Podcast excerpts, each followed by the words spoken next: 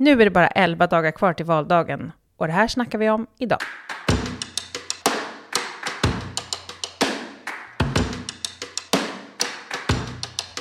Friheten som begränsas när man inte har möjlighet att ta bussen, tåget eller spårvagnen är inte en liten sak. Livskvaliteten i livet upprätthålls när man istället för att släpa hem sina matkassar till fots kan ta bussen från affären.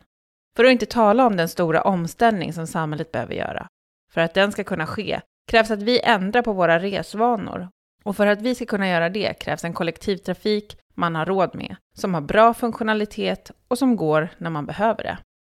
Därför har Vänsterpartiet presenterat en enorm satsning på kollektivtrafik runt om i hela landet. Det är dags för vänsterpriser i kollektivtrafiken. Om detta snackar vi idag. I studion finns jag, Anna Herdy.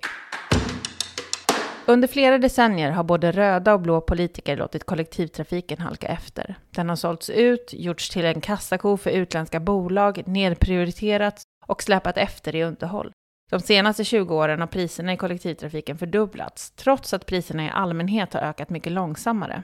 Samtidigt så finns det stora behov av att både rusta upp och bygga ut kollektivtrafiken. Fordonsflottan ska ställas om till eldrift, vilket pressar upp biljettpriserna på många håll i landet. Men Sveriges kollektivtrafik måste vara både billig och klimatanpassad. När vi nu går in i en lågkonjunktur och dessutom ser priserna på mat, drivmedel och el rusa, så blir ett månadskort i kollektivtrafiken ytterligare en börda. Att kollektivtrafiken är billig och välfungerande är en förutsättning för att kunna användas i livspusslet och stå för livskvalitet. Med bussen blir turen till bibblan inte så otillgänglig, storhandlingen blir inte så jobbig och tåget ska vara tryggt så att ungarna själva kan ta sig hem från fotbollsträningen. Kollektivtrafiken behövs dessutom givetvis för klimatomställningen eftersom bussen, tåget och spårvagnen till skillnad från bilen och flyget är ett effektivt och klimatsmart transportmedel. Huvudansvaret för kollektivtrafiken ligger idag hos regionerna. Men Vänsterpartiet tycker att staten ska ta ett större ansvar för att öka resandet med kollektivtrafik.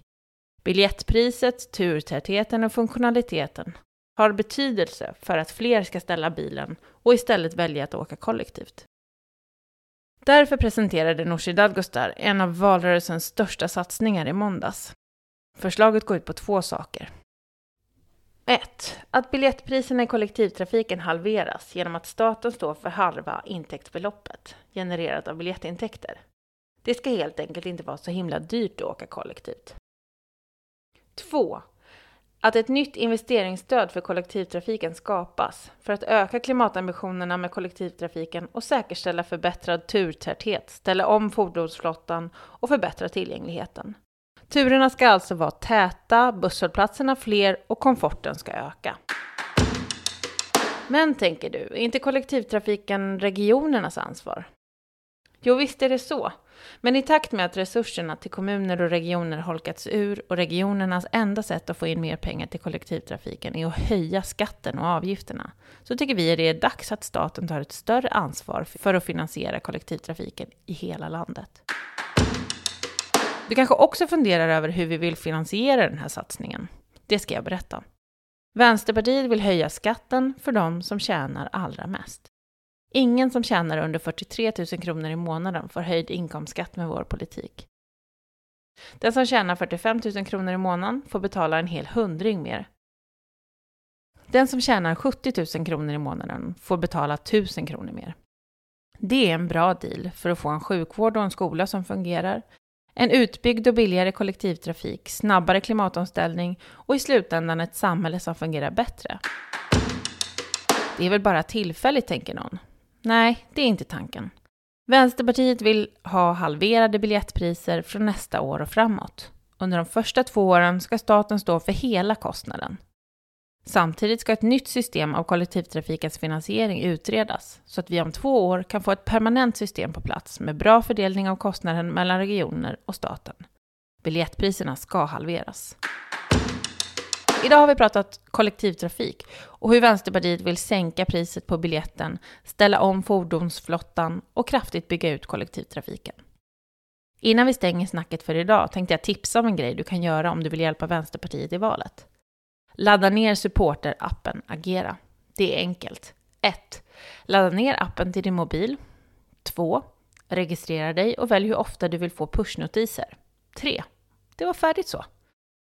Du kommer nu få notiser om små insatser du kan göra för att stödja Vänsterpartiet i valrörelsen. Det kan vara uppmaningar att sprida inlägg i sociala medier, tipsa vänner om artiklar, debatter och aktiviteter.